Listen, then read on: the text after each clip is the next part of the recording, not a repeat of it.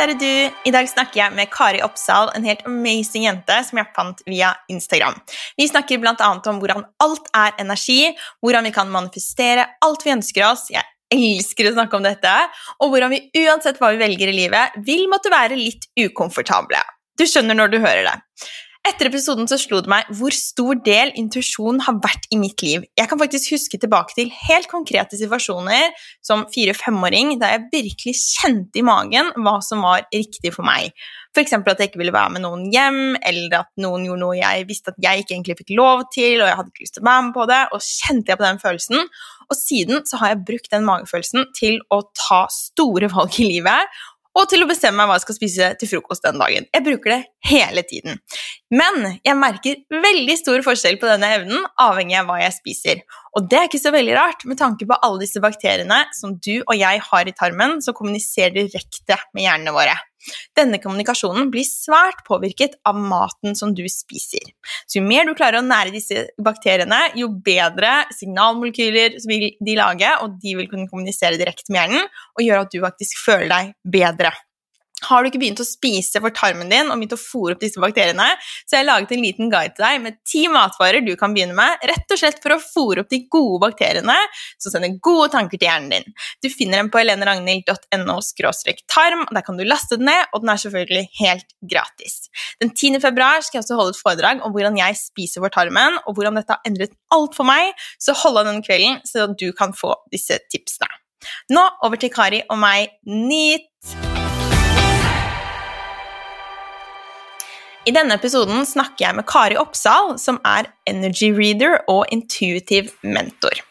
For meg som har hatt ME, kan du jo tenke deg hvor opptatt jeg er av energi.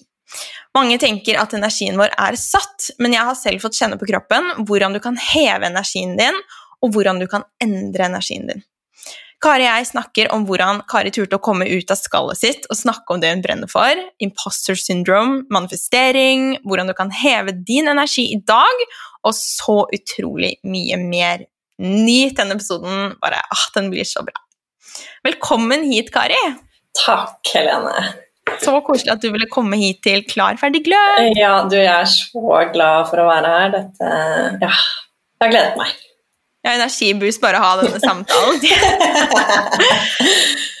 Så jeg vil gjerne høre litt om eh, deg. Hvem er eh, Kari? Ja, hvem er Kari? Veldig sånn eksistensielt. Ja.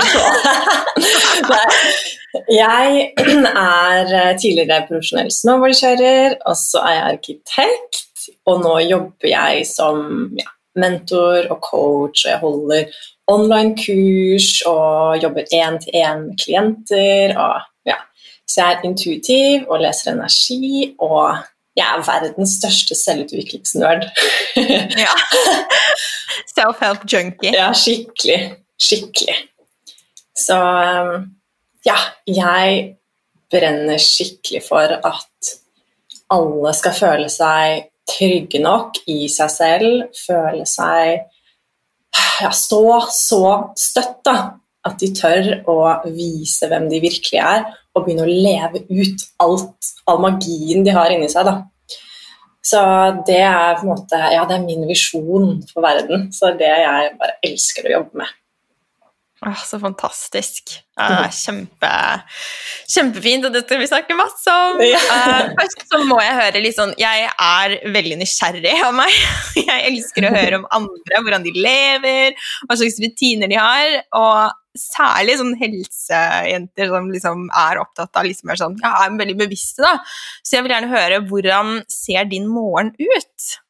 Ja, min morgen, den Altså, jeg setter alltid av tid til å, til å meritere og altså bare ha min egen eh, start på dagen da, før jeg slipper inn noe annet. Jeg prøver å være veldig var på uh, å sjekke mobilen eller liksom, nyheter eller sånne ting. Det bare holder jeg meg langt unna. Uh, så jeg står opp sånn alt mellom, fra mellom seks og åtte, tenker jeg. Kommer an på hva jeg føler for, hvor mye energi jeg har. Og så lager jeg meg alltid en kopp grønn te. Uh, og så går jeg tilbake i senga, og så sitter jeg i senga og mediterer og Eller la meg inspirere. Kanskje jeg setter på en podkast eller hører på et eller annet på YouTube eller noe som, liksom, som jeg vet jeg blir inspirert av, um, og som gir meg en litt sånn boost. Uh, og så prøver jeg å få en litt takknemlighet hver dag. Og nå holder jeg på med, altså nå er jeg midt i et, et av kursene mine, så nå gjør jeg faktisk uh, denne ukens kursmeditasjon da, mm. med resten av gjengen. Så jeg liker å liksom bare følge, følge opplegget der. Ja, så fint. Uh, ja. Og så, hvis jeg tar en kald dusj òg, så er jeg godt i gang, altså. Ja, da har du, men, det har du liksom ekstra. ja, altså dette, men denne tiden min da, kan strekke seg fra noen ganger helgene, så bruker jeg tre timer sant, på å bare sitte og skrive i notatboka mi. Oh. Um, connecte med liksom, spirit guidesene mine og bare eh, kose meg med meg selv. da. Mm. Så tiden er så viktig for meg, og jeg har ingen andre å forholde meg til. Jeg har ikke barn, jeg har ikke kjæreste, jeg har bare meg selv. Så jeg, jeg føler det er veldig lett å gå liksom inn i den der Ja, da har jo ikke du barn og sånne ting, men jeg tenker det er så fint å høre forskjellig, fordi vi er jo alle forskjellige, og det, liksom, livet går jo i faser. Ja, så må man bare nyte der man er, og alt det som er deilig med den fasen man er i. Helt klart. Så det synes jeg, det unner jeg deg supermye å gjøre. Selv om jeg kan sitte og tenke sånn ja, til tilbake i sengen. Ja, ja. ja da. Snakkes. Ja, jeg får lære av deg en gang, hvis som jeg håper jeg får barn, da. da ja, ja. får du gi meg alle dine tips for hvordan du får det til å funke. ja, ja, det, det, skal jeg gjøre. Så, og så må jeg selvfølgelig spørre, da, hva spiser du til frokost? Ja. Hvis du spiser frokost? Ja, ja, jeg spiser helt klart frokost. Det må jeg ha. Hvis ikke så blir jeg helt uh, grumpy. Så jeg, ja. Så jeg, jeg, jeg, drikker da den teen først, eh, og så liker jeg å drikke probiotika. Altså jeg tar sånn probioform i vannet mm. mitt, bare får inn litt eh, eh, væske. Og så lager jeg enten en stor smoothie med masse digg oppå, eh, eller så lager jeg rett og slett litt egg i Jeg elsker liksom scrambled eggs i ghee. Mm. Eh, og så baker jeg og hun jeg bor sammen vi baker, baker alltid bokhvetebrød. Eh, mm. Sånn fermentert eh, bokhvetebrød. Ja, det er så godt. Men nå er jeg helt obsess med å lage grønn juice om morgenen også, fordi hele kroppen min bare skriker etter mer grønt. Og jeg føler meg så grå hvis jeg ikke får i meg nok, da. Jeg så du delte deg, og det var skikkelig gøy. Jeg er jo på samme kjøret selv. Yes. Og jeg fikk jo melding av en felles venninne som var sånn Hei, Bud, har du kjøpt juiceren din, liksom? Så jeg fikk lyst til å spre deg. Men det er uh, veldig, veldig fresh. Og, og, jeg liker å ha stangselleri og altså en hel bunn stangselleri, og så ja. har jeg sitron. Jeg vet Noen er sånn liksom, Du må ta bare stangselleri. Og jeg bare No, no rules for me, takk. Men jeg syns det er så fresht, og Lykke hjelper meg å lage juice. Jeg putter oppi alle bitene. Så det er veldig koselig. Det er sånn her Lage juice. Jeg bare Ja, ja, det er deilig. Ja, så det kan man få til selv med barn. Er det de to ingrediensene du har? Bare stangselleri og sitron? Ja. Bare prøv. En hel sitron og en hel bunt stangfri. Ja. Skikkelig fresht. Og jeg syns det er veldig godt òg, da. Ja. For stangfri er nesten litt sånn søtt. Ja, men det, jeg har aldri likt selleri, da. Men, eh, men, eh, det er jo litt annerledes når man juicer det. Liksom. Det smaker veldig annerledes når du juicer. Men jeg vet jo om den sellerijuice-trenden. Um, det er vel ingen som ikke vet om den sellerijuice-trenden. men, men, men foreløpig så har jeg vært litt sånn Ja, jeg putter oppi så mye. Litt eple, litt appelsin putter opp i dag. Um, ja, ja. Masse kål, agurk, ja. Uh, ja, så videre og så videre. Det er en kjempedeilig måte å bare starte, og det bare ja. føles som det bruser utover i kroppen. Ja. Og så tenker jeg sånn, Hvis jeg hadde unngått å drikke den jusen, så hadde på en måte kroppen min gått glipp av alle de fantastiske næringsstoffene. da. Så når, man, når jeg mm. først begynte å tenke sånn, så ble jeg sånn Herregud, hva kan jeg putte i meg i dag som bare liksom skal booste meg? da? Ja, ja. Det er helt fantastisk. Så Jeg fant jo deg via Instagram. Det var sånn jeg begynte å følge deg. Og eh, som du sikkert merket, da, for jeg begynte å like gamle bilder. så jeg måtte kommentere. Nei, nå er jeg på stakeren, nå. ja. Jeg elsker jo å følge deg der, men så så jeg at du er ikke så lenge du har delt Det var mer sånn der Jeg har bursdag, så var det sånn et år mellom bildene. Men så har du jo begynt å dele mye mer nå, så mm, hva er det, hva er det som har skjedd? Nei, jeg eh, har jo faktisk bare holdt på med det jeg holder på med nå i snart Det er ti måneder nå, da.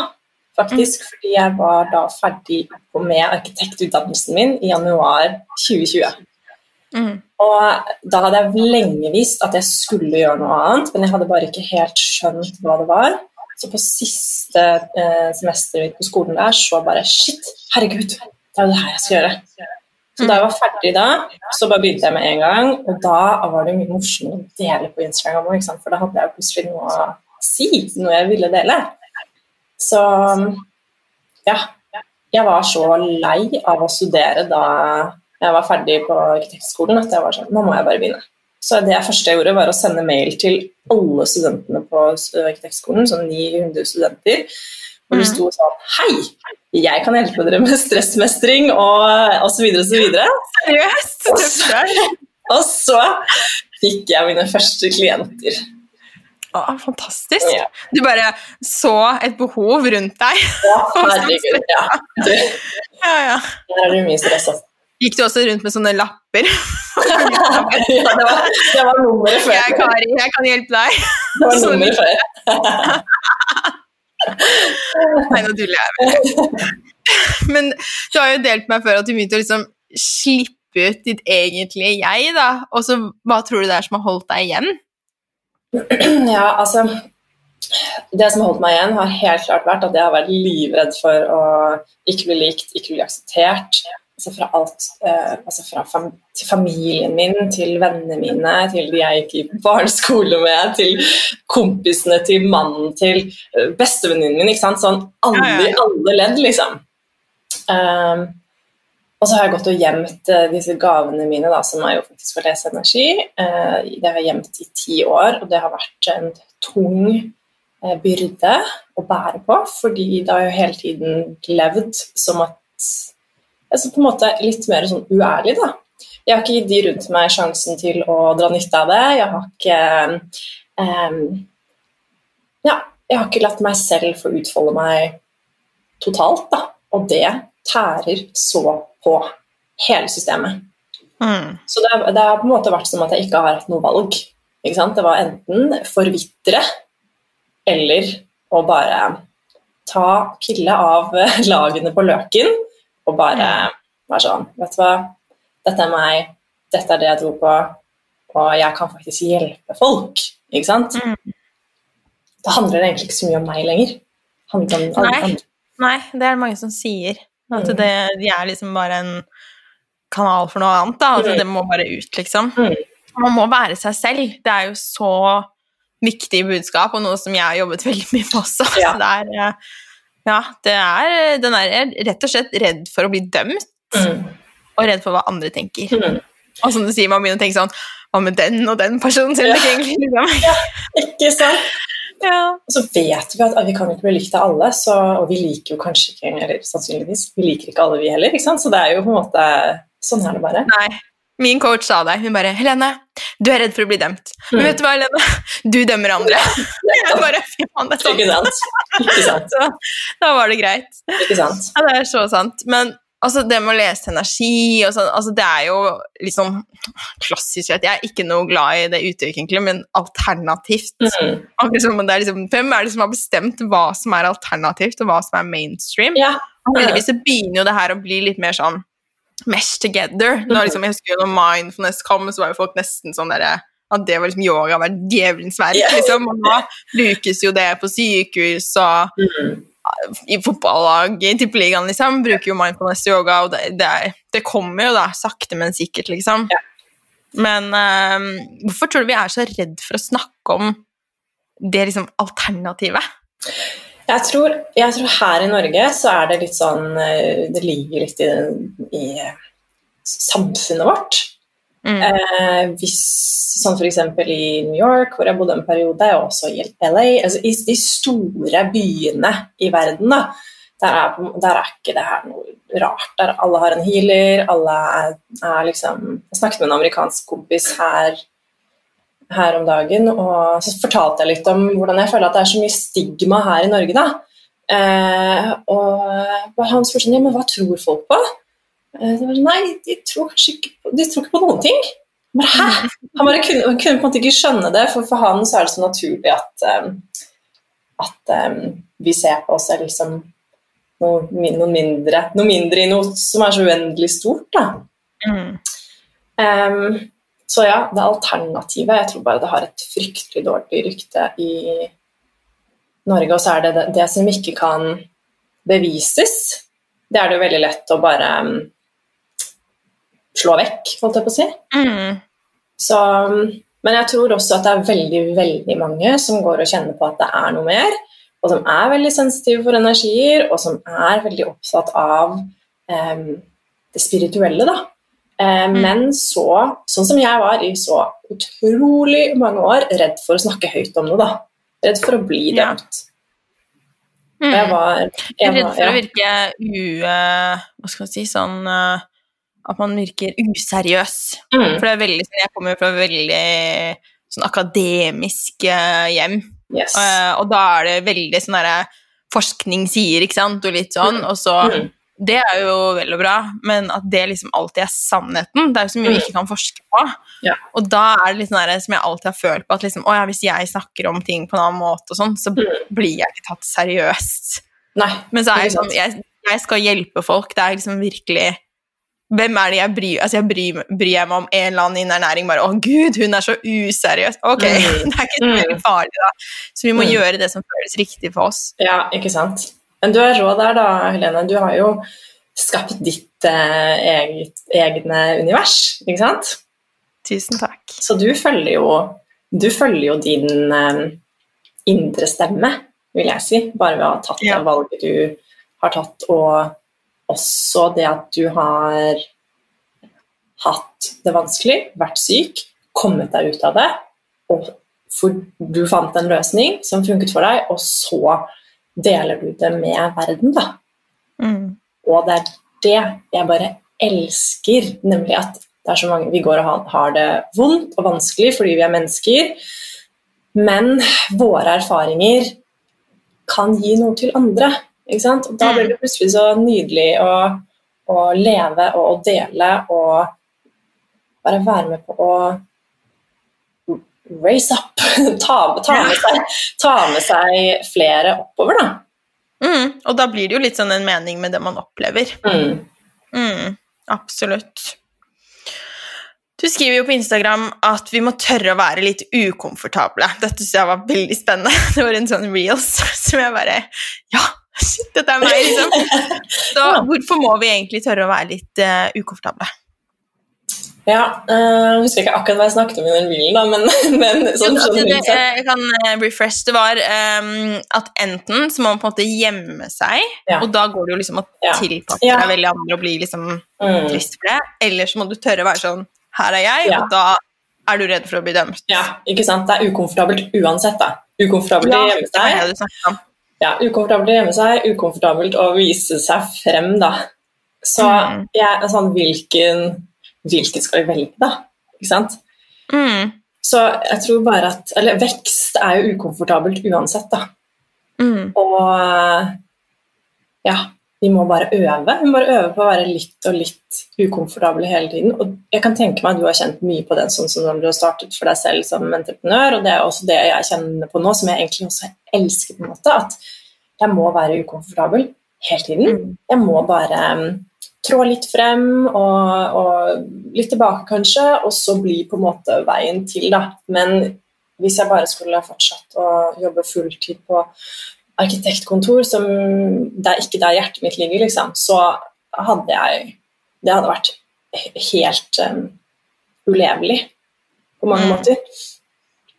Ja, så kanskje å være ukomfortabel, det er bare noe vi må ta med ta meg opp i kurven, liksom. Og så bare sånn, ja.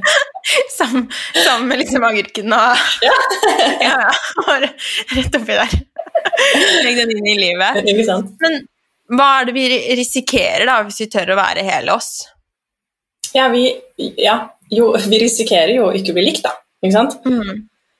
Så, så, men vi risikerer jo også å virkelig få suksess og føle oss fri og Ikke sant? Bare rett og slett bygge, få bedre selvfølelse og bedre selvtillit fordi at vi tør å dele hvem vi faktisk er. Og vi vil jo også få god respons uh, på det fra de som resonnerer med oss, da. Mm. Men uh, jo mer, jo mer uh, vi stikker oss frem, jo mer vil jo også folk på en måte legge merke til det. Da, da risikerer vi jo å få um, feedback som ikke er så hyggelig. Ja, men det er jo også sånn, vi er jo på en måte forskjellige. Mm. Og det tror jeg er eh, Jeg skulle ønske at vi var litt flinkere til å tenke det når vi satt og så på sosiale medier. Mm. og sånne ting, At vi var litt mer sånn Ok, den personen legger ut noe jeg ikke ville lagt ut. Mm. Men skal jeg da sende en melding og si min mening om mm. den personen sitt mm. liv? Eller liksom, ja. Det er jo veldig sånn lite Ja. Så jeg synes man må på en måte bestemme seg for Det som i hvert fall hjelper meg, da, å tørre å liksom være ukomfortabel, er jo litt mer den derre Ok, jeg er meg, og hvis noen ikke liksom har møtt meg Så nå har vi møttes, og hvis noen da spør sånn Ja, hvordan er hun Helene egentlig? Så vil jeg jo liksom at du skal da bare Ja, hun var ålreit, liksom. At det ikke bare sånn Nei, hun var fake, eller noe sånt. Men at noen har sett meg på sosiale medier, og så har de en mening om meg, det er jo helt falskt. Vi vet ja. jo egentlig ikke hvem folk er Nei. når vi ikke har møtt dem og ikke har liksom, ja, kjent på den energien, fordi Nei, det er noe helt annet. Ikke sant. Ja. Og så er det et eller annet med Det er et, ja, det er et fenomen som jeg faktisk ikke husker helt hva heter nå, men det handler om at jo mer vi vet, eh, jo mer skjønner vi også at vi ikke kan. Jo mindre vi vet om, om et tema, jo mer tror vi at vi vet. Mm. Så jeg kan tenke meg f.eks. For, for deg, da, hvis, um, hvis, du får noen kommentarer på akkurat den, altså din metode, så, så altså, Vi kan jo ikke like, vite like mye om uh, alt alle sammen, selvfølgelig. Du kan jo masse om mat, ikke sant. Det er ikke sikkert altså kan, Den som kommenterer, er sikkert bare på et helt annet sted, ikke sant. Mm. Og, men, ja, ja, det handler om dem og ikke om deg. Mm.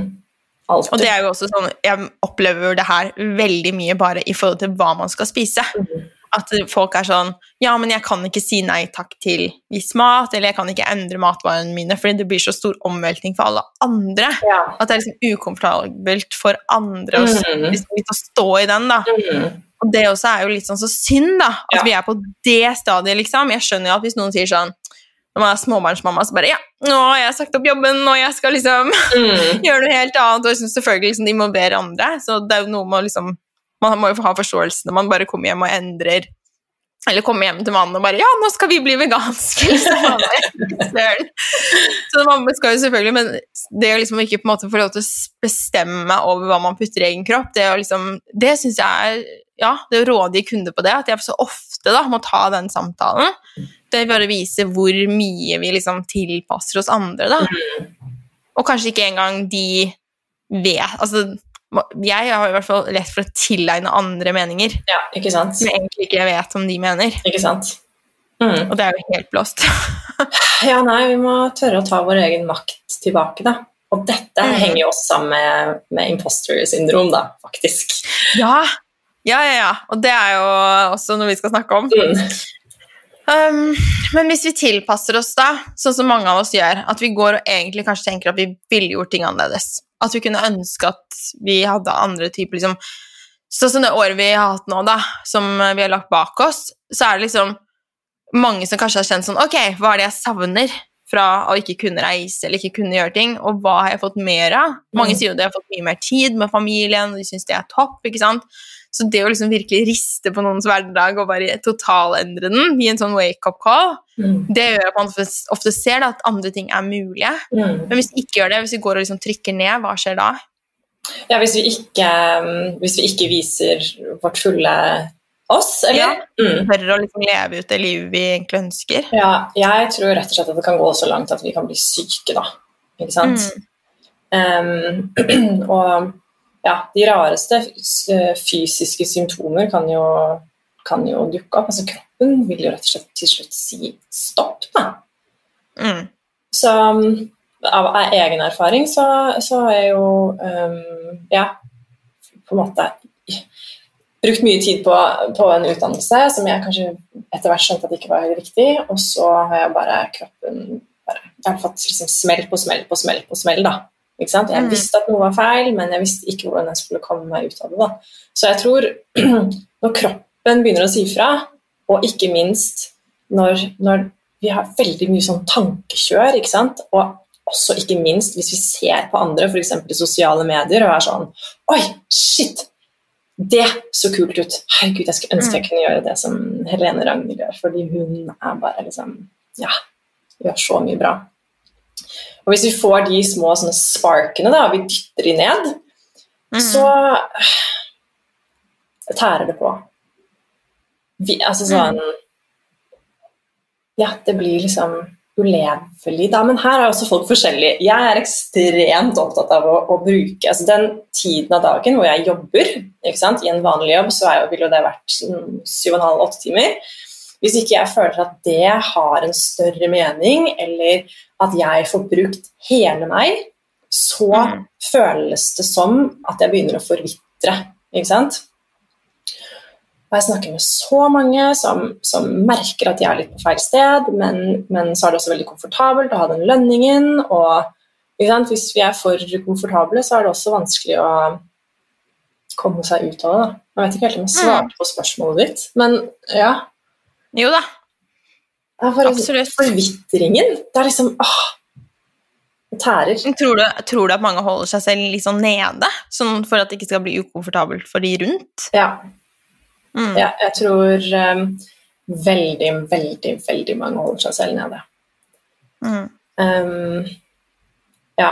Og det kommer også an på hva vi har Eller det henger sammen med det vi har opplevd som barn òg. Som opplevelser i barndommen som har formet oss, miljøet vårt, de vi er sammen med. Det er jo det de sier, at du blir de, eh, gjennomsnittet av de fem personene du er mest sammen med. Det er sånn, ja. Hvis du har lyst til å forandre noe i livet ditt, så så ja, prøv å henge med noen som inspirerer deg. Ja, det er kjempeviktig. Tenke på samme måte som deg. Mm. Jeg er helt, helt enig. Det er kjempeviktig. Mm. Så vi må snakke litt om energi. Eller jeg vil snakke litt om energi. Mm. så det er et vanskelig spørsmål, kanskje, jeg er spent, men hva er egentlig energi for deg? Mm. Ja, for meg er alt er energi. Um, jeg ja, jeg leser jo og eh, jeg leser energi, så det vil si at jeg ser Hvis jeg tuner inn på deg, da, f.eks., mm. eller hvem som helst andre, så eh, kan jeg på en måte se mønstre, eh, og jeg kan føle essensen av deg. Det er sånn alle har en essens. Alle sjeler har en essens, da, så den kan jeg nærmest føle, nesten som jeg nesten kan smake på den. Eh, og vi gir hverandre så mye signaler hele tiden uten å si noen verdens ting. ikke sant? Altså med kroppsspråk og tonefall og sånn er jo én ja, ting, men, men, også det som på en måte vi bare kjenner og vet, da. Intuisjonen er jo også energi. Um, tankene våre er energi. Tenker vi Snakker vi stygt til oss selv, så vil vi få lavere energi. Og da er vi kanskje inne på det som folk i gåseøynene flest um, snakker om når de snakker om energi. da. Liksom, jeg, har, mm. jeg, har, mye energi i dag, eller jeg har lite energi i dag. Ja. Det er på en måte akkurat det samme som jeg driver med, og som jeg tror vi begge snakker om når vi snakker om energi. Da, At mm. alt påvirker hverandre, og det du sier til deg selv, og det du tror om verden, påvirker deg også, da. Mm. Ja, det er veldig sånn jeg syns også det er vanskelig. Jeg jobber jo veldig mye med energi. Mm. Og, og, det er jo så, ikke sant? så når jeg har vært, uh, hatt MS, så har jeg jo virkelig følt at jeg hadde ingen energi. Mm. Det var liksom slitsomt å bare snu seg i sengen. Mm. Og det er jo veldig den der kroppslige energien. Uh, og så er det liksom den der tung energi når du kommer inn i et rom, eller litt sånn derre clinch, sånn der liksom stramt, at man liksom er sånn uh, Her har det akkurat skjedd noe sånn ukomfortabelt, eller noen har sagt noe, eller liksom Det er sånn du kjenner, da. Og også veldig kontakt med intuisjonen, magefølelsen. Mm. Veldig sånn magefølelsesperson. Jeg liksom kjenner det, det husker jeg helt fra jeg var veldig liten. At jeg kjente sånn veldig i magen. At det var sånn Dette er feil, liksom. Ja. For meg. Uh. Så det her syns jeg er eh, Det er liksom spennende å sånn lean into. Ikke sant? For så var jeg veldig mer sånn her Å nei, ja, det er jo bare Ja ja, liksom. Jeg må på en måte Det er ikke sånn hodestyrt, da. Ja, ja. Så det er, eh, ja, det er kjempespennende, men veldig sånn subjektivt også, det med energi. Veldig. Men det som Mm. er interessant, er at jo mer vi fokuserer på det, jo mer vi eh, øver på å høre på intuisjonen, jo bedre blir vi på det. Jo tydeligere Mm. blir den. da. Og um, jo mer vi f.eks. også mediterer, jo mer vi retter fokus innover og blir bevisst på vår, vår egen kropp og vår egen energi og vår eget system, da, jo Mm. mer Mange opplever faktisk at de blir mer sensitive. Jeg fikk en Ja. eh, melding fra en venninne som, som er veldig, hun er veldig intuitiv. Hun leser tarotkort og sånn. Um, men hun har ikke på en måte meditert så veldig mye da. Så sendte hun meg en melding som var sånn Kari, nå har jeg meditert i nesten liksom 20 dager på rad. Jeg føler meg helt fantastisk, helt annerledes, men jeg tar inn så mye av folks energi. Jeg tar inn folks negative energi. Eh, Hva har skjedd? Mm. Så sannsynligvis så har hun bare åpnet opp og åpnet opp mer og mer og mer. Og mer. Og så um, kan vi også begynne å sette intensjoner for å ikke ta imot andres energi. da. For i energiverden så handler alt om intensjon. Mm. Ja, Så jo mer vi går inn i det, jo mer um, som litt sånn som svamper kan vi bli, da, før vi lærer oss å sette grenser og uh, stole på at vi ikke Vi kan faktisk stenge av. Vi trenger ikke å ta inn alle folks um, vibrasjoner, da. Nei, det er, ja, det er kjempeviktig, for det er jo mange som jeg, altså, så synes ofte det snakkes mye om at man liksom skal på en måte henge rundt folk som inspirerer deg, og sånne ting, men så har vi jo mennesker i livet vårt som kanskje ikke Hvor vi syns energien er litt vanskelig eller tung, og sånne Mm, ting. mm. Hva kan man da gjøre for å på en måte beskytte sin egen energi, da, sånn at man ikke blir sånn dratt ned? Ja, jeg tenker at det er veldig viktig å bruke litt tid på å bli kjent med sin egen essens. Da. Den følelsen av seg selv som egentlig er veldig selvfølgelig for oss alle, fordi vi er jo alle i oss selv hele tiden. Men når vi blir bevisst på den og vet hvordan det kjennes ut å være oss, sant? så kan vi begynne å lene oss på den følelsen, og så stole på at vi um, har Altså ved å sette en intensjon, f.eks. sånn Jeg er beskyttet, eller jeg lar ikke Eller jeg har lys rundt meg, man kan si hva som helst, ikke sant? Mm. Så kan det hjelpe, da, mot å Mm. bare være bevisst. Ta alt veldig rolig, det må jeg gjøre. Puste, være til stede, huske på å passe på meg selv. Um, så at jeg ikke går inn i de andres greier da, og begynner å Mm. please, f.eks. Du må ta det skikkelig rolig. Mm. Ja, og være bevisst på at du kan på en måte heve og senke din egen energi da, ved, å ta, ved å tenke annerledes. Ja. Er det det du tenker? Ja, eh, ja, fordi alt handler om intensjon, og med det mener jeg sånn okay, Hvis vi dypper langt inn i denne verden her, da, så, så snakker om måte, at vi kan tiltrekke oss ting og sånn. Eh, også sånn når jeg eh, kommuniserer med liksom, guider eller leser energien til folk, ikke sant, så handler alt om de spørsmålene du stiller, de intensjonene du setter. em, og også grensene du setter, da. Du vil ikke få noen ting med mindre du spør om det. Um, så da jeg begynte å åpne veldig mye mer opp for mine intuitive evner, da, så ble jeg, Det tok rett og slett helt overhånd. Jeg kunne stå på kjøkkenet, og plutselig så fikk jeg på en måte Ble jeg eh, kontaktet av min eks sin avdøde bestemor eh, liksom via Spirit eh, World. Som, og der skulle jeg måtte liksom Eller skulle, hun ville at jeg skulle gi en beskjed videre til han. Plutselig så var jeg langt inni han og hans nye forhold med sin daværende kjæreste. Og til slutt så var jeg bare sånn Ok. Nei. Ja, Før det her så hadde jeg sittet og vært sånn Ok, i meditasjonen hadde jeg sagt sånn Jeg åpner meg opp, jeg er åpen, jeg er åpen, jeg tar imot, jeg tar imot, jeg tar imot. Bare for å se på en måte hvor mye jeg faktisk kunne få inn. da. Mm. Eh, og så, da det faktisk begynte å forstyrre meg i hverdagen, så var jeg sånn Ok, her må grensene settes.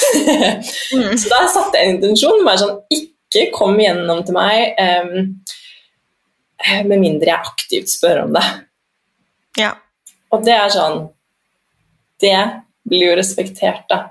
Eh, Dette høres kanskje psycho ut for mange, men liksom, det er faktisk ja, bare å sette grenser. Og det kan vi gjøre med de folkene vi har rundt oss også. Og så en siste ting om det. Noen ganger så blir vi, blir jo trigget av folk for en grunn, da. Og da er det jo kanskje ingenting med dem å gjøre, men kanskje handler om våre mønstre fra vårt eget liv, fra f.eks. barndommen. da. Aha. Har du et eksempel? Um, ja, ja, ja. Um, mitt, Eller jeg kan ta et som jeg har, da. Mm. Sånn, og så kan jeg høre med deg om det her er sånn Jeg tror at det er et eksempel. At jeg blir liksom trigget av at folk skryter. ja. Jeg syns det er liksom litt sånn ubehagelig når folk skal være veldig sånn Se på meg og alt jeg får til. ja, og ok. Mm. Jeg føler at man kan si det liksom, liksom pakka inn, men hvis man bare liksom hele tiden så var sånn Å, gud, ja, denne måneden har jeg fått til det, og jeg har begynt med det, og så Mm. bare blir jeg sånn Oh my god, it's not all about you! Mm. Jeg syns det er litt mye å høre på. Mm. Det er en av mine irritasjonsgreier. Mm. Det må jo være sånn at det egentlig har noe med at ikke jeg føler at jeg kan skryte av meg, da. Ja. Når skryter du av deg selv, Helene? Det gjør du jo vel ikke så ofte. Gjør du det? Nei. Jeg trodde du skulle si sånn Dette gjør du.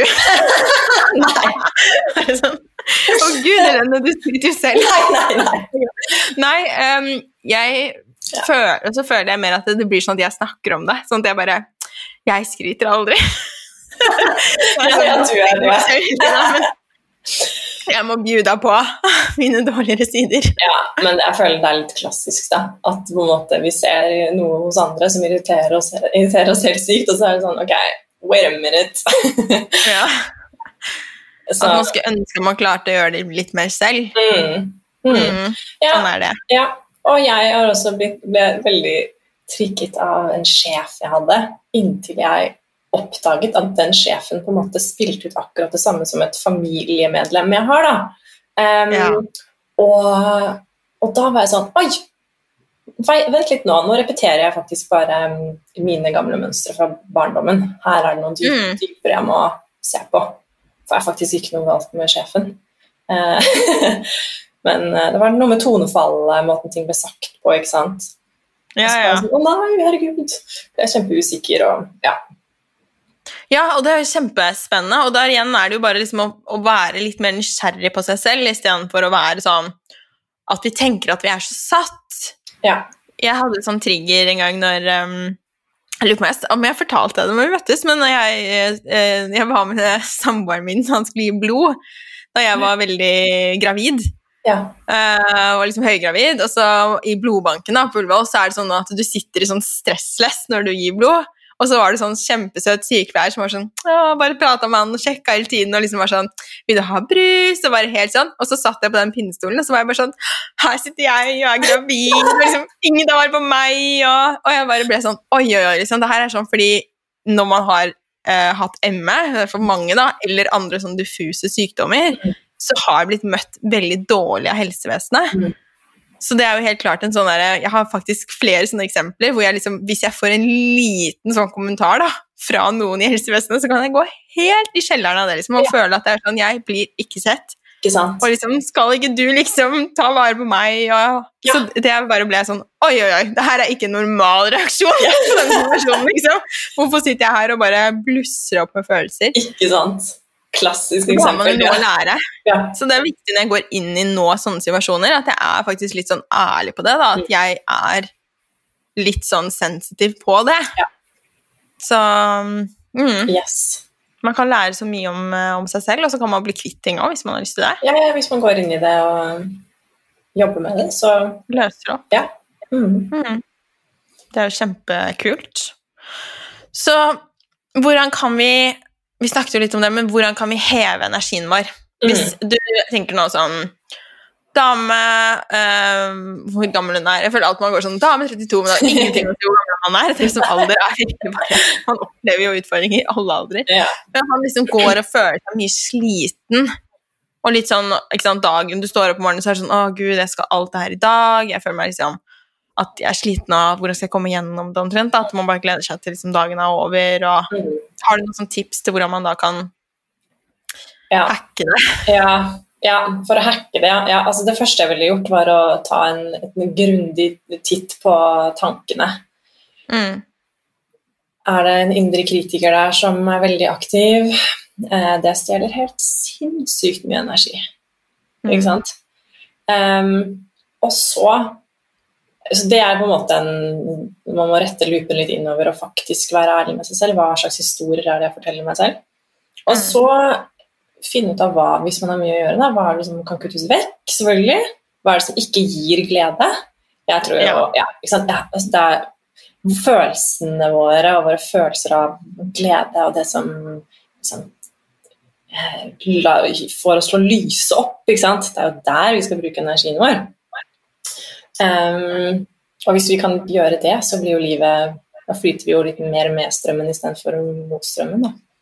Men Og så er det jo altså meditasjon, eh, danse til musikk, Ja. eh, ja, eller dusje kaldt, da.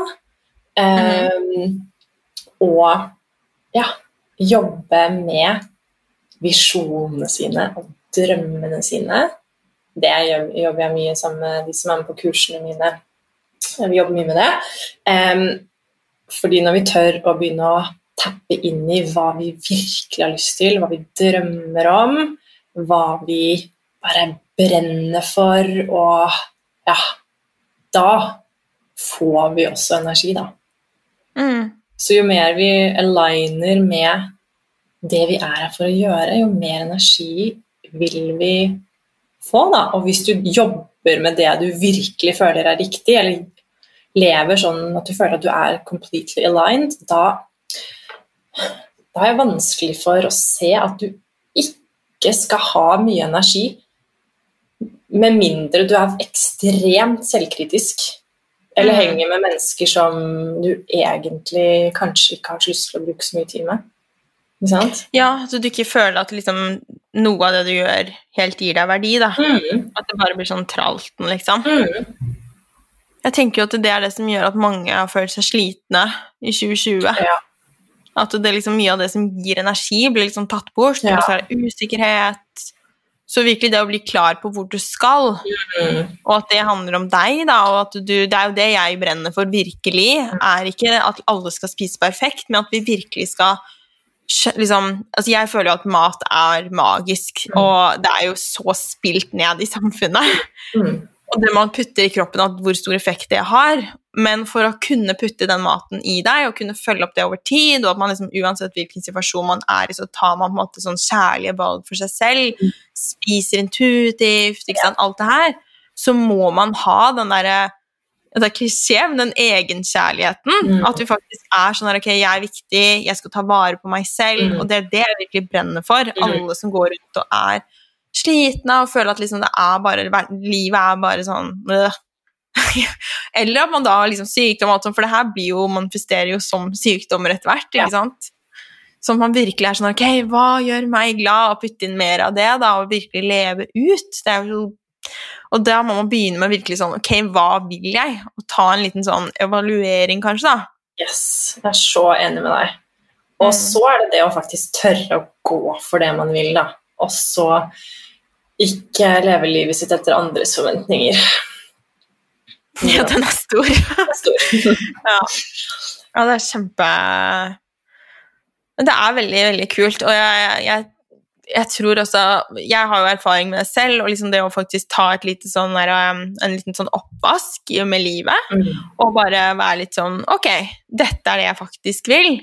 Og så begynne å endre ting liksom, med de rundt deg i de forholdene. Da, og Mm. snakke med folk og faktisk si høyt da? 'Jeg vil mer av dette. Hvordan kan vi få det til?' Om det er hjemme, med venner, familie. Og det har faktisk vært veldig positivt for meg. Det er liksom ikke sånn at jeg fikk sånn Fy søren, liksom. No, det her går ikke. Det var, altså, de som lever med deg, de vil jo at du skal ha det bra.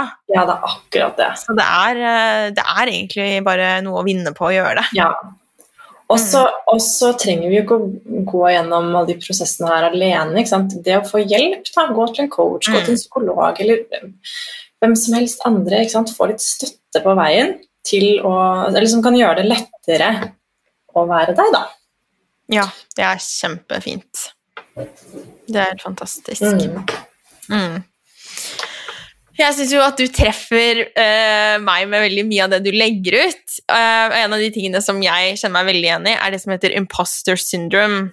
Jeg har kjent mye på det. Så vil du forklare hva er egentlig imposter syndrome? Mhm. Ja, jeg visste at vi skulle snakke om det, da, så jeg har faktisk sjekket hva den eh, eksakte definisjonen på imposter syndrom er.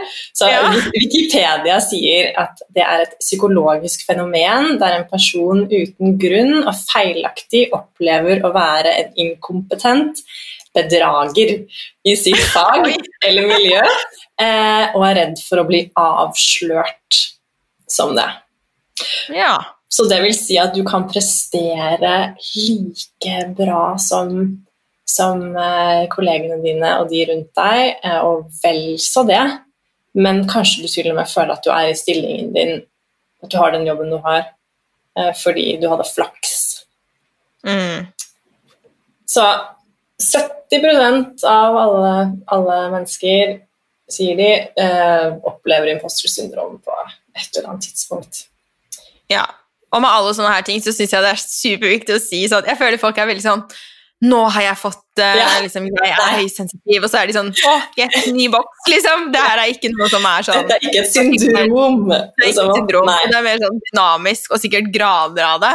Yes. Eh, men jeg kan kjenne litt sånn at jeg rett og slett er liksom redd for ikke å leve opp til de forventningene Mm. som andre har om meg, da. Og Mm. at eh, Ja, litt den derre at man skal bli på en måte avslørt. Mm. Hvordan kan man eh, hva, hva det, hva, Hvordan utspiller det her seg, hvis noen har imposter syndrom? Hvordan ser det ut? Nei, Det som ofte skjer, er at det er mange små tegn. Da. Man kan f.eks. bli veldig, veldig redd for å be om hjelp i en jobbsituasjon. Man tenker at man burde klare alt alene. Eh, Kanskje man begynner å kommunisere dårligere fordi man er redd for å ikke bli avslørt. Ikke sant? Man, Mm. man, det blir rett og slett ikke nok kommunikasjon med de rundt en eh, fordi ja, man skal late som at man har full kontroll, og så vet, skjønner ikke delen, imposter syndrom-delen i hjernen er sånn Ja, men eh, hva om jeg bare liksom spør? Dette er jo et samspill. Så man blir veldig sånn eh, selvsentrert. Mm. Og jeg vil jo også gå så langt som å si at å ha imposter syndrom, eller leve i det, da er man ganske um, Det er litt sånn selfish, da. Mm. Fordi du fokuserer veldig mye på deg selv. Mm. Og det som kan skifte det, er å begynne å fokusere på de andre. Ikke sant? Hvis man er, jobber i en kontorsetting, da, sånn eh, Hva jobber vi sammen mot her? Hva er prosjektet? Hva trenger de andre fra meg? Og så bare begynne å fjerne fokuset sitt fra seg selv. Da. Og sånn er det for eh, som oss som driver for oss selv også. Hva er vårt hvorfor? Hvorfor gjør vi det vi gjør? Og så liksom vi snakket om i stad òg, vi kan ikke være for alle. Du kan ikke være for alle, du kan ikke møte, møte alles behov, men du kan være for noen. Og så kan du Eller hva trenger de fra deg, og hvorfor Mm. gjør du det du gjør?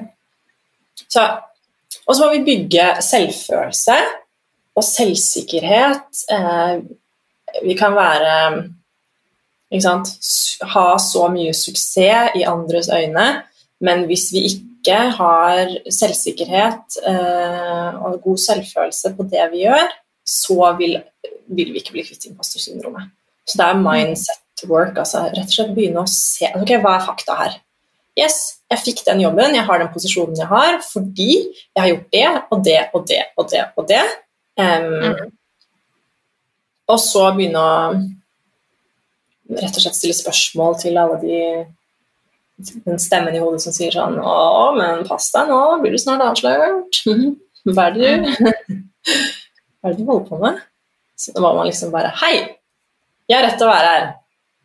Ja. Jeg vet hva jeg snakker om. ja, ikke sant. Mm.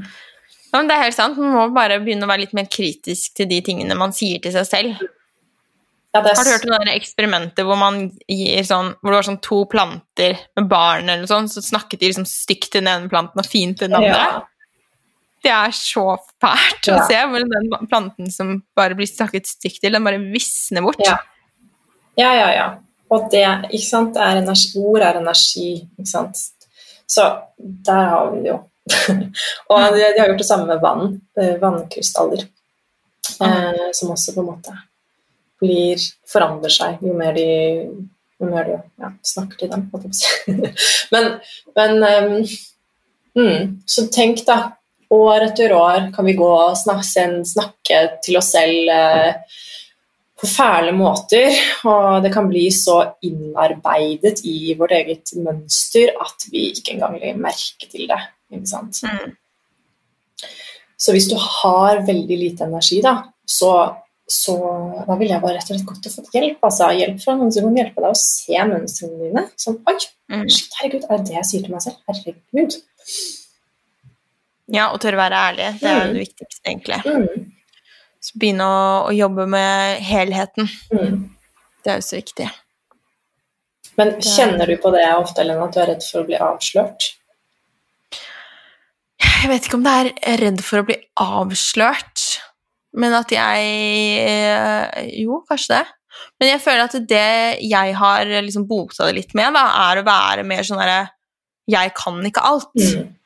Og så har jeg jo blitt veldig obs på at jeg er ikke god til å ta imot hjelp. Mm. Og det er jo sånn som du nevnte, ikke sant? Altså, da blir det litt sånn Nei, jeg må kunne alt selv, og hvordan Ja. ser jeg ut hvis jeg begynner å spørre om hjelp? Ja. Og det har jeg liksom øvd meg på, da. For eksempel når jeg begynte å gå til PT, så syntes jeg det var sykt kleint liksom, at jeg skulle liksom trene, og den personen skulle liksom trene meg og hjelpe meg Ja. hvis jeg går til liksom en slags sånn massasje eller noe sånt også sånn. Og jeg, sammen når jeg har gått til psykolog, Mm. Så har liksom meg Du er sånn flink pike, men også sånn, du prøver å være sånn flink pasient. Du sitter sånn, du er sånn Ja, jeg har lært sånn og sånn metode, liksom, og hun bare Dette er ikke time and place for Ja, det, liksom. Du bør ikke være flink her. Nei, ikke sant? Så det å liksom virkelig bryte ned de barrierene, da, Mm. eh, så har det hjulpet mye.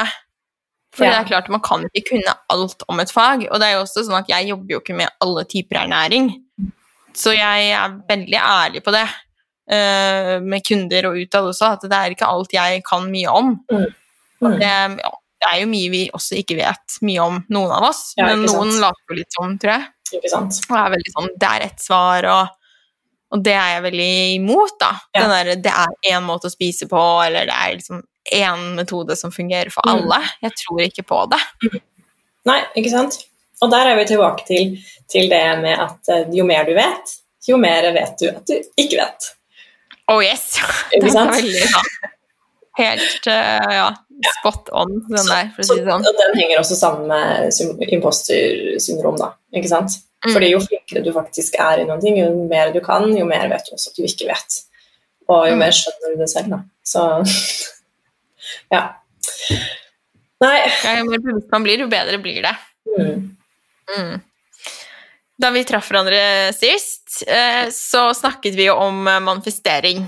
Mm. Og manifestering er noe som jeg har liksom snakket litt om før, sånn eh, på blogg eller Instagram og sånn, jeg vet ikke, men da var det mange som var sånn, ja, de ville liksom høre mer om det da, de syntes det var spennende. Mm. Um, jeg elsker manifestering og synes det er kjempespennende, uh, og jeg hadde en veldig sånn fin opplevelse med det liksom første gang jeg jobbet med det, så var det at jeg ville bli gravid, og så hadde jeg en coach som tipset meg om det. Mm. Så jeg kan fortelle historien, men jeg vil gjerne høre hva er egentlig hva du, hva liksom, Kan du forklare hva er manifestering? Ja, um, jeg tenker at manifestering rett og slett er absolutt uh, Altså alt fysisk vi har rundt oss, uh, er jo manifestert. For noen har hatt en idé, en visjon, og så har de tatt steg etter steg etter steg, etter steg og så har de produsert eller laget eller skapt resultatet, ikke sant? Ja. Um, og når vi snakker om vibrasjon og energi, så Altså, dette er så spennende. Vi kunne snakket sikkert en hel episode om det her. Men det er så utrolig mange lag til det å manifestere, da. Og igjen mm. så handler alt om intensjon i energiverden. Så hvis du bare lever livet ditt og aldri tenker at du kan få til noen ting fordi du ikke føler deg bra, mm. så vil sannsynligvis eh, Du vil på en måte ikke få til noen ting, da. Så er det jo alltid faktorer Nei. utenfor oss selv også. Vi har ikke kontroll på alt. Vi kan ikke kontrollere alt. Men vi har jo, vi har jo makt over og ansvar for oss selv, ikke sant. Mm. Hvis vi tør å drømme, da, og tør å sette oss lage sånn hårete visjoner for oss selv, så sender vi på en måte energien vår i den retningen og sår et lite frø. da, ikke sant? Og så, hvis du ikke tror at det er noe annet mellom himmel og jord, så er dette veldig sånn enkelt og greit, fordi da setter du deg et mål, og så finner du ut av hva du må gjøre for å nå målet ditt. Mm. Enkelt og greit. Hvis du er opptatt av energi, så blir det jo også en slags lek hvor du kan leke med å um, høyne din egen frekvens, høyne din egen vibrasjon, sånn at du tiltrekker deg det du har lyst til å tiltrekke. Mm. Og en stor nøkkel når det kommer til manifestering, det er jo å rett og slett også bare være helt fullstendig ok, fullstendig takknemlig og se verdien i stedet du er her og nå, da.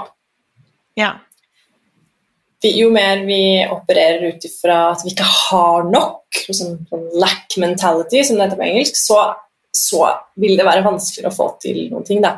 Jo mer vi slapper, mm. oss, slapper, av, slapper av i oss selv og lener oss tilbake og ikke fester vår verdi på noen ting utenfor oss selv, jo mer vi kan stå støtt liksom, som et tre med røttene plantet i jorda, da, uten at noen ting Ingen pengesum, ingen jobb, ingen kjæreste, ingen, ingenting kan påvirke vår kapasitet og vår verdi. Da blir du en umotståelig magnet, da. Mm. Um, det er så mange lag her. Jeg vil anbefale å sjekke ut hun som heter Manifestation Babe på Instagram. Hun um, ja hun er veldig jeg, jeg, liker henne bare fordi at hun er litt crazy og morsom, og hun har gått fra å ikke ha noen ting til å nå Hun driver med online eh, business, hun da, og hadde vel en launch, tror jeg, hvor hun solgte for 1,8 millioner dollar. Shit.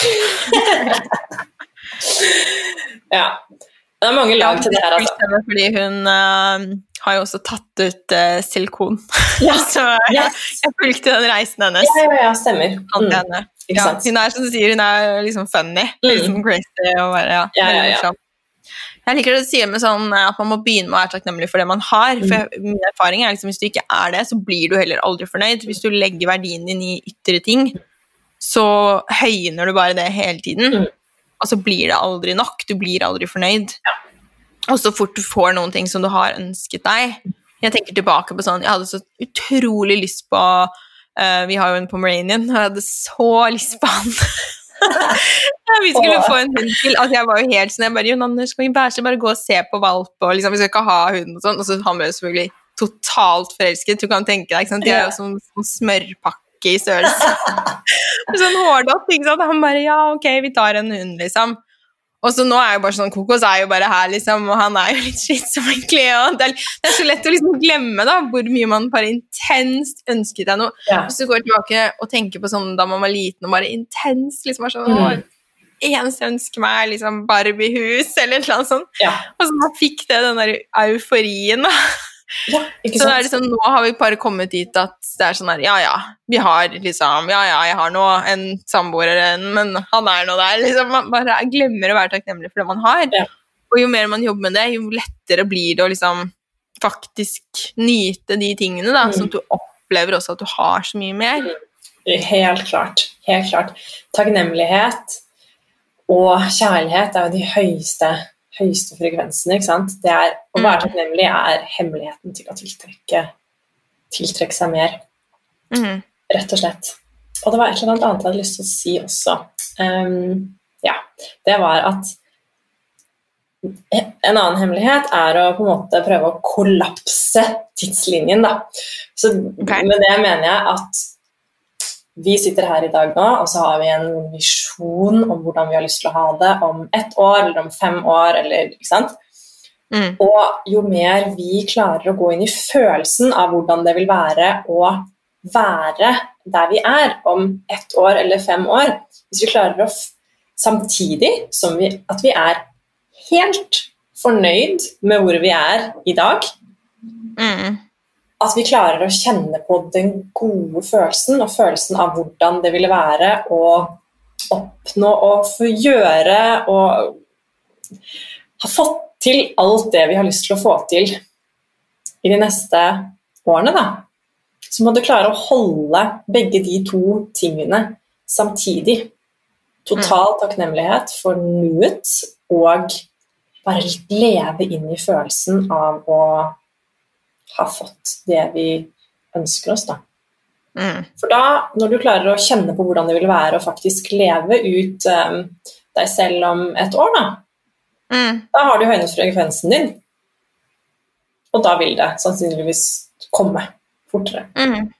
Ja, for hvis du kjenner på sånn virkelig den der følelsen av Jeg er sånn her med å spise bra mat. Det blir også knyttet til måte å, å gjøre ting som går mot det målet. Litt Mm. også ubevisst. At hvis du virkelig har kjent på den der drømmen om å være frisk hvis du er syk Mm. eller hvis du er sant, har mer energi, og du ser for deg og liksom virkelig visualiserer og føler den derre Å, hvordan vil det være, liksom? Mm. Jeg har Og sier sånn ikke sant, Jeg har masse energi.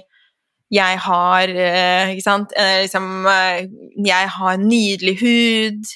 Det er sånn jeg har sagt til meg selv når jeg har liksom hatt uh, utformet huden, så har jeg vært sånn Jeg har vakker hud. Så, Ja. for å fortelle, liksom, ikke for å få måte dyrke den der at liksom, jeg føler kroppen produserer mer av det samme, da. Mm. Så da vil jeg liksom også se for meg selv som denne veldig sånn sunne jenta Mm. som bare gløder, og som tar kjempegode valg.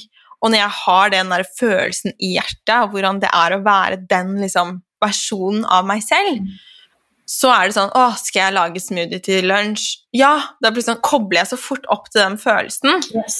Så det her er jo også veldig sånn i forhold til mål, og liksom, det henger jo liksom sammen, ikke sant? uansett om man på en måte vil kalle det for energi, eller om man vil være mer sånn ja, dette er bevisst, og det er hjernen min som gjør det, men at vi på en måte ubevisst da tar bedre valg, fordi vi har så knyttet til vår visjon, yes. og den må du sjekke inn i, da. Mm, det her er så spennende. Det her er akkurat det jeg gjør i mine kurs. da.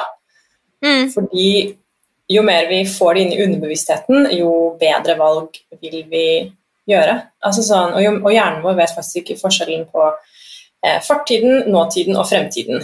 Og det er jo ganske fascinerende i seg selv. Så hvis vi bruker mye tid på å eh, grave i det som har skjedd tidligere i livet, så vil vi jo på mange måter leve i fortiden, da.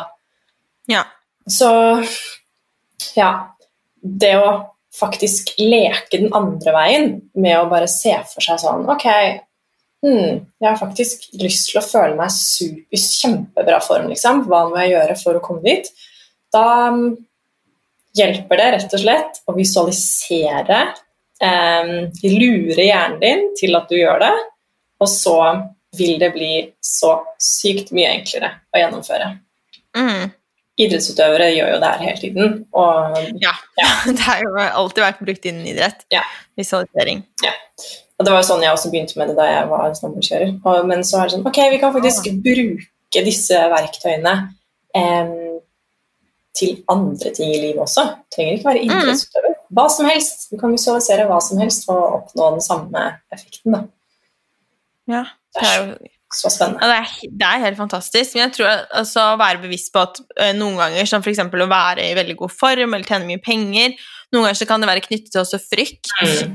Og liksom, hva vil andre tro, ikke sant? Ja. Og liksom, hvordan vil det forandre mitt forhold til andre? Uh, så jo mer bevisst du blir på det, fordi da også kan man selvsabotere litt. Ja. Hvis man på en måte egentlig går og er litt sånn redd for Ok, hvis jeg liksom nå blir en så sunn person da, og blir friskere, hva betyr det? ikke sant? Mm. Hvis man er i et liv hvor man kanskje ikke jobber, eller sånne ting. Så, Oi, hvordan blir det da hvis jeg plutselig blir frisk? Alle forventninger som kommer til meg, og Dette var noe som jeg følte på, og det, er- altså, det er bare følelser. Det, er jo ikke, liksom, det betyr jo ikke at jeg ikke ville bli frisk, Mm. men det er bare sånn Det popper opp da i hodet. Sånn her, ok, oi, hva betyr det, liksom? Yes. Men det er bare da, det kan jobbe liksom også i underbevisstheten, tror du ikke det? Ja. Mot deg. Veldig. Veldig. Det er, skjer så mye i underbevisstheten vår. Vi sier jo det at 97% av hjernekapasiteten vår brukes i underbevisstheten. Det er 3 til den bevisste hjernen. Så altså, det, er, det er så mye som foregår. Ja, den indre kritikeren bor i eh, underbevisstheten vår. Der koser den seg. Ikke sant? Og når vi, når vi begynner å se på, se på den og løfte den opp i bevisstheten, så kan vi snu på det. da. Men det er så Mm. sant. Det er så mye sånne tanker som ulmer, og vi kan selvsabotere. og ja, Vi må bare tørre å faktisk se på det og møte det. Og få det opp i lyset, da. Mm. Så vil du dele en eh, manifestering, eller noe du har manifestert? Ja, jeg har sånne små manifesteringseksperimenter hele tiden. Jeg. Sånn, hvor mye penger har jeg lyst til å tjene denne uka? her? Hvor mange readings har jeg lyst til å booke? Eh, sånne ting gjør jeg hele tiden. Men jeg tror en av de um, historiene som, hvor det var tydeligst at jeg måtte gi slipp og surrender og bare være fornøyd eh, før det jeg ville ha, kunne komme, det er um, altså Da jeg skulle flytte til New York, så um, eh, visste jeg hvor jeg ville bo. Jeg visste eh, at jeg ville bo med en katt. Jeg visste at jeg skulle bo med liksom, et par andre. Eh, jeg visste prisen eh, på leiligheten, og alt var måtte, satt. Jeg hadde sett det for meg, jeg hadde sett for meg et vindu i leiligheten med, hvor lyset ble sildret gjennom et tre utenfor, og måte visjonen var bare så klar da.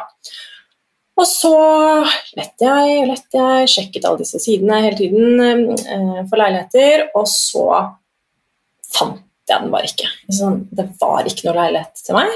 Ingenting var obvious i det hele tatt.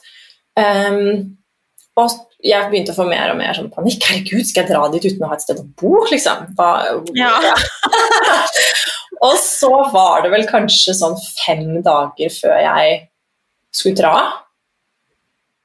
Kanskje til og med et kortere. Kanskje til og med et, ja, nei. Det var i hvert fall veldig, veldig nært opp til avreise. Eh, og så var jeg bare sånn, vet du hva? Jeg må bare um, surrender. Jeg gir opp. Så Mm. gikk jeg inn på Airbnb, booket meg en sketchy sofa hos en leilighet. en leilighet med noen Ja, altså helt random. Det var på en måte ikke Det var billig, liksom. Det var det. Jeg måtte bare ha et sted å sove når jeg kom frem. Eh, og så booket jeg den, og så var jeg sånn Ok, jeg får vel ta og sjekke en gang til, da. Etter å ha vært sånn Ok, det her går helt fint. Whatever. Og så gikk jeg inn på den samme siden jeg hadde sett på sett på i flere uker, og der var leiligheten. Katt på Lower East Side, perfekt leie, superhyggelige uh, roommates. Vi skypet, og de bare sånn Ja, ok, smooth. Uh, så var det settled. Så det ordnet seg på et blunk. Et, men jeg måtte bare gi opp først. Og da jeg kom til leiligheten, på kjøkkenet, så var det et nydelig tre utenfor med lyset som sildret inn. Herregud, det er så rart. Man kan liksom se for seg akkurat hvordan det skal bli. Ja, så Den historien er jo kanskje den en av de mest spesifikke, da. Mm. Um, ja, Ja, at du nesten bare måtte booke noe annet, liksom, for Mm. at det skulle komme fordi energien min var så desperat, da. Jeg ble mer og mer Mm. Herregud, herregud, hvor er du? Leilighet? Og så Ja, ja. måtte jeg min er meg egentlig veldig lik, fordi at eh, jeg også var jo veldig sånn jeg ville bli gravid, så var jeg altså, Så mange som sa til meg sånn herre Ja, det er jo liksom mer stress, og jeg bare Jeg er jo ikke stressa! det var sånn, det er ikke det som er problemet mitt. Ja, men eh, da gikk jeg vel sånn til en coach da, som sa at jeg skulle gå Hun var sånn Ja, hvis du er åpen for sånn her, så kan du gå og kjøpe en liksom body og henge den opp. Mm. Og så tenke på den liksom, sjelen som skal komme. Ja. Og så uh, var jeg også liksom samme, at jeg bare var litt sånn Ja, ok, liksom, nå slapp jeg det her, da. Jeg kan ikke liksom bestemme over det. Og så tok jo vi prøverør og sånn, så det var jo ikke sånn at jeg magisk ble gravid, liksom. Men når jeg da ble gravid eh, på den eh, første runden liksom, av ordentlig prøverør, da, og så var det sånn Da bare visste jeg liksom at det var min baby da, som skulle komme. Så jeg var aldri redd for at det skulle gå gærent. eller noe sånt. Det var bare helt sånn Nei, men det, det er denne, liksom. Følte du at du kunne kjenne sjelen, liksom? Siden du hadde Ja. ja. Veldig sånn kontakt fra, Ja. helt fra start, liksom. Åh, så nydelig. Så det var veldig koselig. Det, jeg gleder meg til jeg skal inn i det. Det er en bok som heter 'Spirit Babies', som jeg har veldig lyst til å lese. Ja.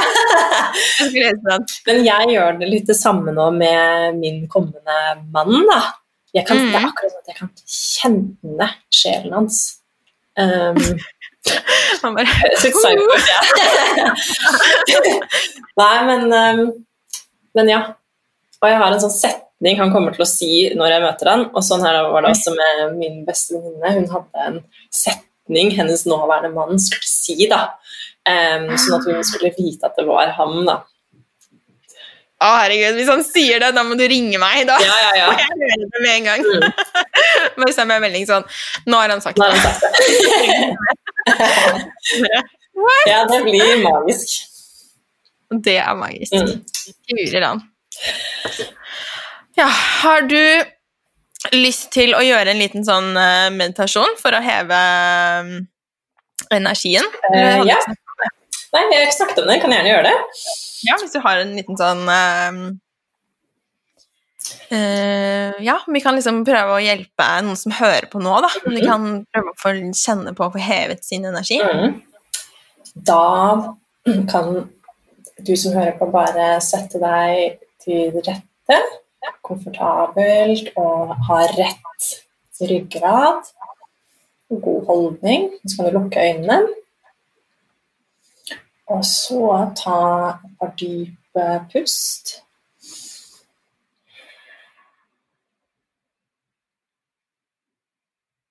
Og så, når du føler deg klar og komfortabel, så kan du legge fokuset ditt på enden av halebeinet ditt. Og så kan du sakte, men sikkert se for deg at det vokser frem en skinnende gullball på tuppen av halebeinet. Og så beveger du med fokus og bevisstheten din denne ballen sakte, men sikkert opp over ryggraden. Så den går da opp innimellom hoftene dine til den nedre delen av ryggen din. Og der hvor denne glødende ballen passerer, der blir det igjen et skinnende lys. Du fortsetter å bare flytte den sakte, men sikkert oppover midten av ryggen din,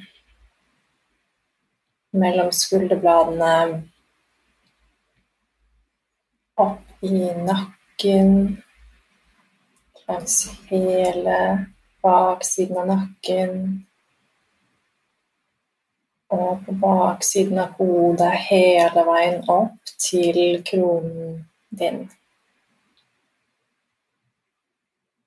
Så kan du bare se på ryggraden din nå eh, med fokuset ditt.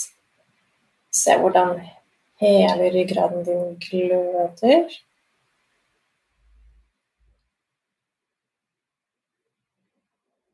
Så kan du kjenne på at du er sentrert og sterk. Og at du har balansert energien din ved å bevege denne lille ballen. Og så kan du kjenne om du kan utvide det lyset som skinner ut fra ryggraden din. Utvide det som om du skrur opp volumet på en radio. Sånn at det begynner å dekke hele innsiden av kroppen din.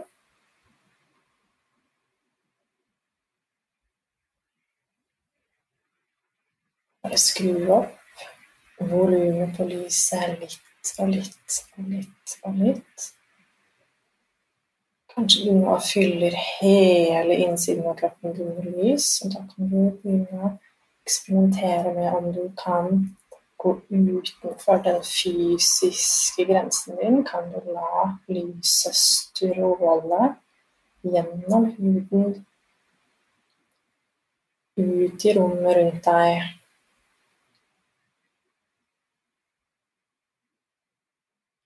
Kanskje stråler du nå ti centimeter utenfor huden din. Kanskje en meter. Kanskje du fyller hele rommet.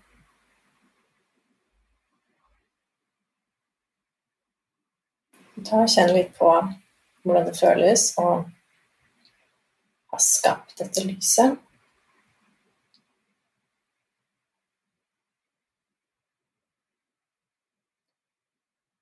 Og så kan du vite at når du fortsetter dagen din nå, så vil du ta med deg lyset du har skapt. Og når du møter andre, så vil de kjenne det. Du vil kjenne styrken selv. Du kan når som helst hente det frem. Og vite at bare ved å gjøre denne lille øvelsen, sette en intensjon om å skape mer lys, så høyner du din egen frekvens. Og deler den høye frekvensen din med andre. Så når du etter hvert sakte åpner opp øynene dine, så kan du se rundt deg og se om du nesten ser lyset du har skapt i rommet når du åpner øynene. Tusen takk. takk selv.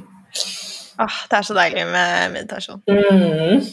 Sorry, jeg putta deg on the spot. Ja, helt Unnskyld, Men Kari ja. Jeg jeg, så, er så vant til å gjøre det på engelsk nå, så jeg var sånn Ja. Put your attention. Veldig Ja, det gir eh, veldig godt eh, sånn Å fylle med farge. Liksom. At det kan være sånn fylle hele kroppen med liksom, den fargen som føles som energi. og sånn. Det er kjempevirkningsfullt. Det er det, altså. Kjempevirkningsfullt. Igjen, det er bare intensjon og ja. Mm. Mm. Sist, men ikke minst, Kari, så vil jeg gjerne føle hø, hø, Ikke føle, hø, høre. Hva er det som får deg til å gløde? Det som får meg til å gløde, er selvfølgelig god mat. Næringsrik mat, det må jeg bare si. Um, ellers uh, latter, å være sammen med de beste vennene mine, jobbe med det jeg brenner for, føle meg bra i meg selv, det um, får meg til å gløde. Virkelig være komfortabel i min egen hud og bare ja, stå plantet godt på jorda. Så fint. Mm. Hvor kan vi finne deg og følge deg? Jeg er på Instagram, ja. Eh, Kari Oppsal. OPSAL. Veldig sånn enkelt og greit. Og så er nettsiden min karioppsal.com. Perfekt. Mm. Og meg det finner dere på Helene Ragnhild på Instagram, heleneragnhild.no og Helene Ragnhild Ernæring på Facebook. Tusen, tusen takk for at du ville komme, Kari. Takk, Helene. Det var så koselig. Dette var kjempegøy. Jeg gleder meg til uh, neste gang vi ses. I like måte. Ha det bra! Ha det.